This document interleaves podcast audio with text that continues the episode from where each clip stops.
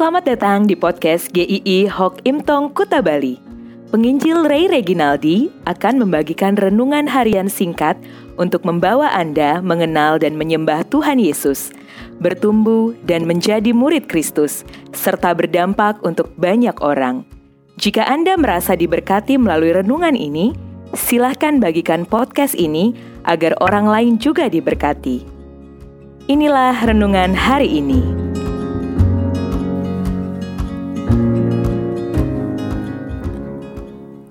Percaya yang tepat. Amsal 3 ayat 5. Percayalah kepada Tuhan dengan segenap hatimu dan janganlah bersandar kepada pengertianmu sendiri. Di dalam sebuah wawancara, seorang public figure ditanyakan, "Menurut kamu, apa itu percaya diri?" Lalu dia mendefinisikan, "Menurut saya, percaya diri adalah bahwa seseorang percaya bahwa dirinya memiliki potensi untuk mencapai apa yang diyakininya benar dan terdorong untuk bisa melakukannya, untuk bisa mencapainya. Dia tahu ada potensi dalam dirinya. Banyak orang terdorong untuk membuktikan dirinya bahwa dia bisa melakukan banyak hal. Dia tangguh, dia kuat, dia mampu. Tetapi kadang kepercayaan diri yang tinggi dari seseorang itu justru jadi bumerang yang bisa menjatuhkannya. Karena hasil yang diterimanya bisa tidak sesuai dengan harapannya. Di sisi lain, ada orang yang merasa dirinya begitu tidak berdaya, sering membandingkan diri dengan orang lain yang dipandangnya lebih hebat. Kok saya nggak seperti itu ya? Wah dia terlalu hebat, saya nggak bisa apa-apa dia menjadi minder akan dirinya. Sehingga hidupnya tidak mau terlibat dalam kehidupan orang lain. Dia tidak mau jadi teladan, dia tidak mau jadi contoh di tengah-tengah keluarganya juga. Keduanya, kepercayaan diri yang berlebihan, juga keminderan dapat menjadi penghalang untuk seseorang menjadi teladan atau berkat di tengah-tengah keluarganya. Amsal 3 ayat 5 dan 6 mengatakan percayalah kepada Tuhan dengan segenap hatimu dan janganlah bersandar kepada pengertianmu sendiri.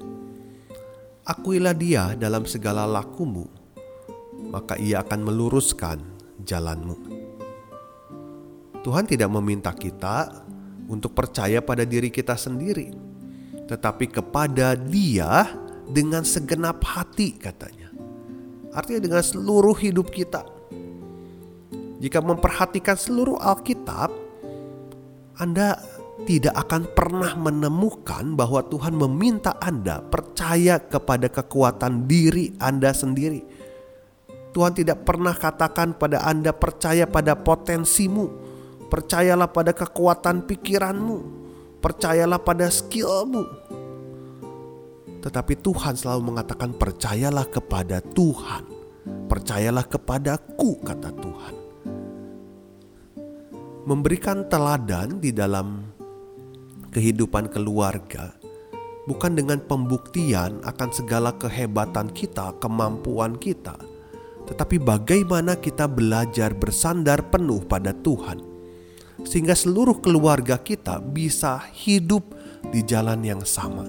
Kita menulari cara kita percaya kepada Tuhan, mengandalkan Tuhan, bersandar pada Tuhan. Akui segala pencapaian kita yang bisa kita dapatkan di dalam hidup ini karena Tuhan. Nyatakan di tengah-tengah keluarga.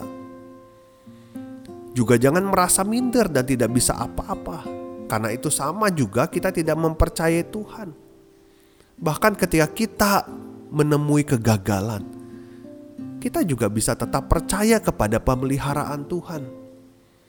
Mungkin banyak hal kita tidak sehebat orang lain, tapi memang betul kan, bukan kita segala-galanya, bukan kita sumber kekuatannya, tapi Tuhan.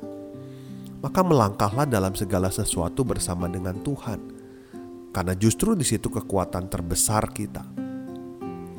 Orang Israel sering kali tidak percaya kepada Tuhan walau mereka sudah menjadi umat Tuhan. kehidupan kekristenan kita adalah hidup karena percaya pada Tuhan Yesus. Hanya karena percaya pada Tuhan Yesus kita diselamatkan. Maka biarlah di dalam kehidupan keluarga kita masing-masing kita mencerminkan ini bahwa kita orang-orang yang percaya pada Tuhan Yesus dalam iman juga dalam kehidupan kita hari demi hari. Dan biarlah seluruh perjalanan hidup kita itu itu sungguh-sungguh diwarnai dengan kepercayaan kita, kebergantungan kita hanya pada Tuhan. Besok kita akan masuk di dalam episode yang ketiga tentang keluarga. Ditunggu ya, sampai jumpa. Tuhan memberkati.